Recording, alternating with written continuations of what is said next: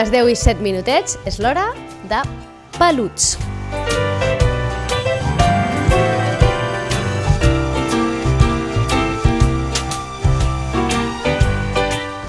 Aquest espai que dediquem als nostres animals de companyia i que fem sempre en col·laboració amb l'etòloga i veterinària Valentina Mariotti de Weekend Dogs. Valentina, molt bon dia. Buenos días a todos. Com estàs? Bien, bien. De primavera también. De primavera ja eh, encaminant-nos a poc a poc ràpidament cap a l'estiu amb aquestes temperatures. Vinga, que avui parlarem de convivència entre gossos, perquè eh, hem parlat mm, de molts temes eh, relacionats amb els gossos, però mai de com conviuen els gossos, què fem si tenim dos gossos, és bo tenir més d'un gos... Clar, la convivència entre animals va més enllà, entenc, Valentina, de la cura d'un i d'altre, no? S'ha de tenir també en compte el fet de la relació entre ells. Eh, sí, efectivamente, eh, cuando tenemos más de un perro, evidentemente tenemos que tener en cuenta las dinámicas de, de convivencia, es decir, qué relación tienen esos, esos perros, si son perros que pues, han sido adoptados a la vez y conviven desde siempre, o si, por ejemplo, pues adoptamos un nuevo perro, tanto como si es adulto como si es cachorro, teniendo ya uno o más en la casa, porque las cosas pueden evidentemente cambiar. También dependerá del sexo de los animales, es decir, si tenemos más de un perro del mismo sexo, eh, o bien si tenemos, pues, por ejemplo, dos perros, un macho, una hembra, pues en cuanto a relaciones sociales será muy distinto también eh, la dinámica o la relación que ellos tengan entre ellos, al margen del caràcter de cada qual, eh, també. D'acord, per tant, ten, hem de tenir en compte molts factors. D'entrada, eh, eh, Valentina, jo et voldria preguntar, és bo tenir dos gossos? És a dir, per què hi ha gent que tingui un gos que entenc que la convivència amb aquell primer gos sigui bona, eh, hagi anat tot bé, sense problemes, eh, estiguin contents i s'estiguin plantejant ampliar la família? És positiu sempre? Eh, es, siempre es peligroso decir la palabra siempre y, y nunca, ¿no? Pero eh, en general sí es bueno tener más de un perro. ¿Por qué? Porque el, el, perro es un animal gregario, es un animal sociable y que suele vivir en grupos o manadas, ¿no? Cuando son eh, perros de, bueno, pues salvajes, eh, lobos o, son, son perros de casa, también se pueden llamar manadas. Son grupos de animales. Entonces, el, el perro, de hecho, eh, es así en los centros de, de investigación o, o, en las perreras de las protectoras, se, se, intentan mantener los perros juntos, al menos en grupos de dos, eh, para que puedan cubrir esa necesidad de contacto e interacción social que para una especie gregaria eh, como el perro y el ser humano es fundamental para su bienestar emocional.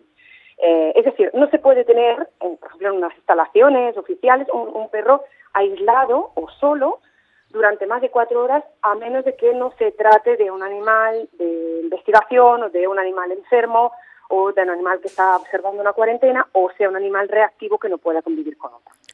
Dicho esto, evidentemente en casa no tenemos esas condiciones. Podemos tener un perro único, pero normalmente al perro le gusta estar en compañía. Ahora bien, no a, a cualquier precio, es decir, que tenemos que procurar que la relación entre los perros que, que nosotros tengamos en casa sea, sea correcta, sea armoniosa, porque pues, si no, pues da lugar a problemas de convivencia y a conflictos jeràrquicos, pues, los que jo veo a menudo en mi pràctica clínica diària. D'acord, per tant, eh, convivència entre gossos sí, però no necessàriament, eh? És a dir, eh, i, i aleshores jo pregunto també, per aquelles famílies que tinguin un gos i que pel que sigui eh, la seva rutina igual ha canviat o ha modificat respecte a l'inici, que quan van agafar a adoptar aquell gos, no? I potser ara passin més hores fora de casa. En casos d'aquests seria convenient, tenint en compte el que comentaves, eh, de que als gossos els agrada estar acompanyats i igual pel que sigui la logística familiar s'ha complicat i de sobte aquell gos passa moltes hores sol.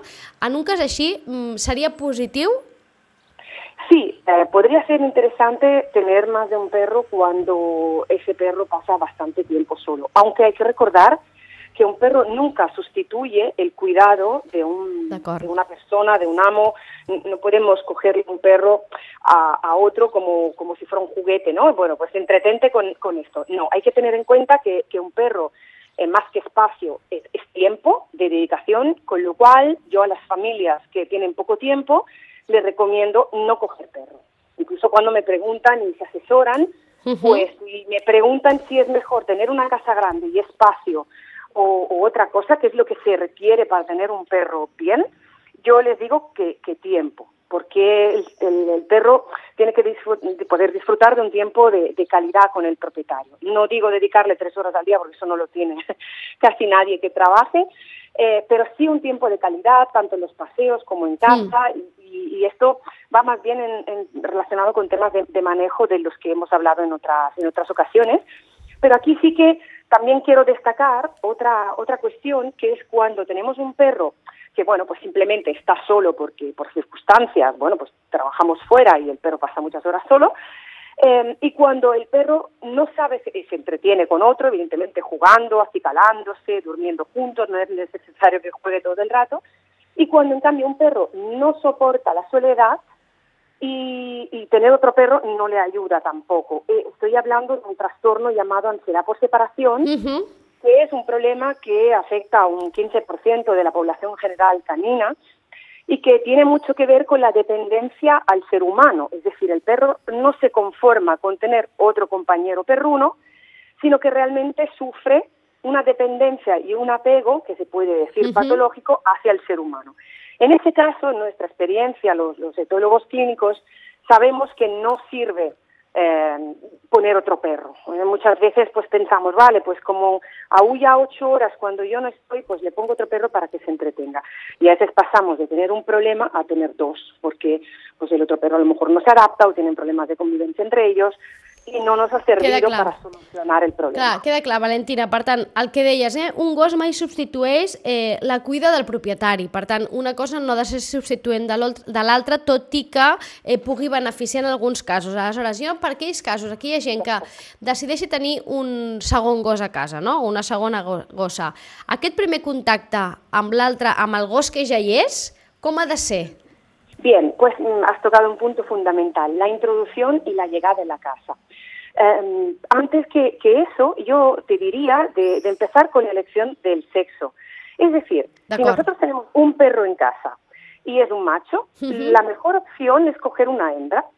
La mejor opción no es la que nos garantiza en sentido absoluto de que no haya ningún problema de convivencia nunca, sino que disminuye la probabilidad de que eso ocurra, porque entre, entre perros del mismo sexo es más fácil que haya una cierta lucha por una competencia en cuanto al acceso a recursos. Es decir, es más fácil que se peleen por pues, una comida, un, pues, un juguete, las atenciones del propietario. Entonces, de entrada siempre recomiendo elegir el perro del sexo opuesto. Segundo punto, la edad del nuevo perro. Si es un cachorro, normalmente, bueno, pues tenemos eh, una fase, la aceptación será más fácil normalmente respecto a introducir un perro ya adulto con ciertos, bueno, pues eh, vicios, no quiero decirlos, sí. pero... Eh, hábitos, sí. Uh -huh. Exacto. Entonces, eh, pues mm, si introducimos un cachorro, un cachorro normalmente es mejor aceptado, porque un cachorro siempre pues, inspira como más, eh, ¿no? Ternura y uh -huh. menos eh, competencia, pero luego a lo mejor de ahí a unos meses cuando el cachorro ya no es un cachorro, sino que se acerca a la edad adulta, pueden surgir conflictos. Entonces, una cosa es entrar un cachorro en casa y otra es entrar un animal ya adulto. Con un animal ya adulto tenemos eh, cierta garantía de que pues ya más o menos el carácter que tiene es lo que es y difícilmente cambiará radicalmente, de forma radical, ¿no? Puede, puede haber alguna cosa que surja. Entonces, de entrada eso, tener en cuenta el sexo y la edad del nuevo perro. Entonces, la entrada y la presentación, siempre eh, recomiendo que sea en un territorio neutro, es decir, no entrar directamente en la casa con el nuevo perro para uh -huh. que el que está en la casa no se sienta invadido el territorio y vea de repente un individuo en medio del salón. Perquè sigui una situació d'igual a igual, ¿no? Equilibrada. Exacto. Uh -huh. Sí, que sea pues en un sitio, por ejemplo, pues en el exterior y, por ejemplo, después de haber dado un paseo con ambos perros a una cierta distancia, eh, para que se vean, se encuentren, se vuelan, se vayan, bueno, pues tanteando un poco las reacciones de cada cual. Si todo ha ido bien en la calle, y permito que en ese caso es mejor no uh, sacar pues juguetes, pelotas, comida em, si utilizamos premios o queremos reforzar la actitud positiva de cada uno de los perros, siempre hacerlo a mucha distancia para que no se nos caiga un granito de pienso, una chucha al suelo y los perros ya se peleen de entrada por eso. Y también recomiendo no hacerle demasiadas carantoñas al perro nuevo. per eh, no despertar els gelos, no? Claro, exacto. Això són, és que estàs descrivint reaccions molt humanes, també, eh? Sí, por supuesto, evidentemente. Somos animales gregarios también y en muchos aspectos nos parecemos a los, a los perros, no guardando las distancias, uh -huh. evidentemente. Per tant, entenc, Valentina, que la intervenció humana en aquell moment de primer contacte entre els gossos, com menys millor, no? Sí, exacto. Tenemos que eh, intentar observar, eh, introducir paulatinamente el, el, individuo nuevo en la, en la casa, en los aposentos ¿no? del, del, del perro que ya tenemos, y hacer que, que, esa entrada sea, digamos, bueno, normal, tranquila, sin, sobre todo evitando algo que hacemos, que es normal, que es prestarle muchísimas atenciones al nuevo cachorro, por ejemplo, si es un perro pequeño o al nuevo llegado, porque es normal, pues representa una novedad y queremos estar pendientes y queremos que haga una buena entrada, una buena adaptación, pero a veces nos olvidamos, entre comillas, del perro de casa, que es el cambio el que tiene que tener el acceso a todos los privilegios primero. Es decir, aquí tenemos que procurar reforzar eh, la jerarquía. No nos gusta ya a los etólogos hablar de dominancia, ¿no? No, pero sí que tenemos que otorgarle un cierto privilegio al perro eh, antiguo, por así decirlo, porque es el que tiene que estar seguro que desde su rango no se ve afectado o no viene, no és desplaçado per el nou llegado. Perquè Caram, si no... és que estàs descrivint l'arribada d'un nou bebè a casa i, no? I, i com hem de, hem de tenir cura no? de que el germà o la germana gran no? d'alguna manera no se senti desplaçat, ¿no? Exactamente. Eh, es, es precisamente el mismo tipo de situación, aunque evidentemente, dependiendo de la edad de un crío, pues tú puedes explicar pues determinadas claro. cosas y un niño lo puede llegar a entender.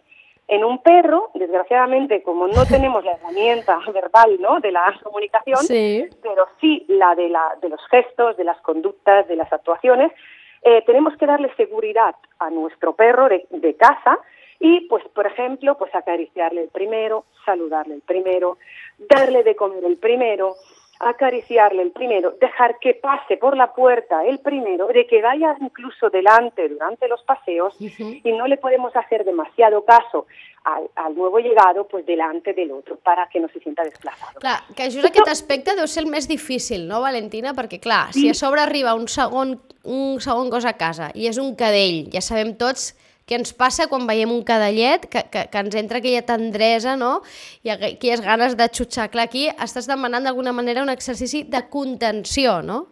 Sí, y lo tenemos que hacer, si queremos achuchar al cachorrete, pues lo tenemos que hacer a escondidas, mientras el otro no nos vea mucho. Y, y eso, digamos que si todo va bien, pues eh, será durante un tiempo, no es para siempre, evidentemente, pero uh -huh. sí que hay que observar el comportamiento, el carácter de cada animal, evidentemente, y situarlo correctamente dentro de la dinámica familiar.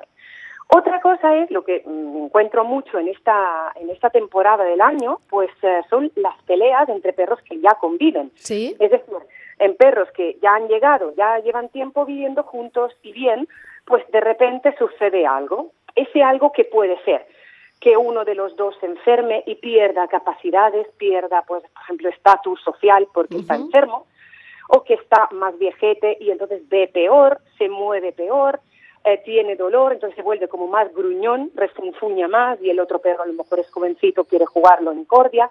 Entonces pueden haber conflictos, pero lo más frecuente son ahora los conflictos, por ejemplo, pues por una hembra Uh -huh. eh, en celo, es época de, de, celos, de bueno, revolución de hormonas, uh -huh. Y en esa temporada yo me encuentro muy a menudo problemas de convivencia entre perros, incluso en perros castrados, que en teoría no deberían de competir por el recurso de una hembra, ¿no? En ese sentido, las hormonas juegan un papel fundamental. Son más frecuentes las peleas entre hembras en celo, por ejemplo, donde uh -huh. actúan las hormonas también. Los estrógenos en ese sentido aumentan la irritabilidad y la reactividad sí. de las hembras y la testosterona también en los machos. Pero aún así, puede haber una alteración en general debido a la primavera por el cambio del ritmo circadiano, sí. las, los días van hacia más luz y hay un cambio, digamos así en general, en el estatus, ¿no? en el arousal nosotros lo llamamos, en el estado anímico del animal, haciendo que sea más alterable. También es cierto que veo más problemas en perros que tienen ansiedad, estrés, conductas compulsivas, eh, lamidos excesivos, autolamidos, es decir, es una época complicada desde el punto de vista comportamental y conductual, tanto en las personas eh, como en los, en los animales. ¿no? Y en ese sentido sí que es cierto que hay que observar mm, ciertas normas, cuidados, para evitar conflictos. Tipo, los tips de siempre, ¿no? Pues no eh, pasear mucho por los parques si hay perras eh, por, por ahí en celos, no lo sabemos, evidentemente, entonces si tenemos algún macho, pues mantenerlos vigilados y supervisados para que no entre en una, por ejemplo, en un área de socialización con perros sueltos y haya pues, algún macho entero y alguna hembra que pueda estar en celo. Por tanto, controlar mucho los paseos y las interacciones. No alargar demasiado las interacciones entre, entre perros en el sentido de que pues eh, me encuentro con un perro, se saludan, se huelen, todo va bien, perfecto, pues me alejo y bien, no insistimos mucho. Salutacions en... cordials, ¿eh? Hola, ¿qué tal? ¿Cómo estás? Adeu-siau. Perfecto. Entonces, sí, sí, para, para disminuir la probabilidad de que hayan estos tipos de, de percances, que, que hay muchos, ya yo me encuentro muchas, muchos informes en, esta, en este periodo del año. Entonces, eh, como otra norma, en casa, si tenemos mmm, varios perros, pues separarlos, por ejemplo, pues en momentos críticos, tipo el momento de la comida, eh, o jugar con, con, con, juguetes que no sean eh, pues algo que, con, por los cuales puedan competir. Evidentemente, cada propietario conoce a sus perros, sus puntos flacos, ¿no? sus uh -huh. puntos débiles, por tanto ya sabe cómo actuar. Pero no está de más intentar en esta temporada, sobre todo de una mayor irritabilidad general, pues prevenir un poco pues la aparición de esos, de esos brotes y, y, evidentemente, si hay un nuevo perro en la casa, pues eh, seguir estas normas de, de privilegiar mucho al perro de casa, al nuestro, frente al nuevo llegado. Per tant, al final, Valentina, passa principalment tot per l'observació, eh? per estar pendents, atents, si hi ha una baralla, intentar esbrinar què és el que ocasiona aquella baralla, no? aquell conflicte, no? per intentar evitar-lo en, en properes ocasions. No? Al final passa tot per observar els nostres gossos. La observación siempre es fundamental cuando tenemos varios animales porque nos permite detectar muchas veces algunas señales que pueden pasar desapercibidas, cuáles, por ejemplo, pues la tensión corporal, uh -huh. gruñir, levantar ligeramente el belfo, una mirada de reojo, una tensión muscular, lo vemos cuando el perro está a punto de o, o avisa al otro, ¿no? Entonces, ¿cómo intervenimos allí? Lo mejor es hacer un ruido distractor, algo pues que no esté directamente vinculado con los perros. Sobre todo, no castiguemos al perro que gruñe o que mm, ataca, porque aunque sé que es muy difícil de controlar esto, pues es mejor no castigar al perro que tiene que ocupar el rango principal, ¿no? Por decirlo de uh -huh. alguna manera. Porque se podría sentir eh, pues puesto en discusión ¿no? su, su jerarquía o su posición. Entonces no lo podemos castigar. Tenemos que hacerlo de una manera mucho más sutil, reforzando su posición sin enfrentamientos, com sempre, evidentment. Doncs ja ho veuen, eh, que això de tenir gos, i en aquest cas gossos o gosses, eh, és bastant més complicat del que sembla, és eh, molt enriquidor per qui ho desitja, però s'ha de, un s'ho ha de repensar bé perquè després porta molta feina i s'ha de fer bé perquè al final els animals també ho requereixen. Valentina, moltíssimes gràcies, ens retrobem aviat. Gracias con, con, con a, vosotros, a, vosotros, como siempre y recuerdo mi correo, mi teléfono por si me queréis escribir o hacer una consulta sin compromiso. Eh, mi correo electrónico es valentina arroba weekanddog.com con W y mi teléfono que contesto también en WhatsApp es el 652 33 10 05. Buenos días. Gràcies, Valentina. Adéu-siau.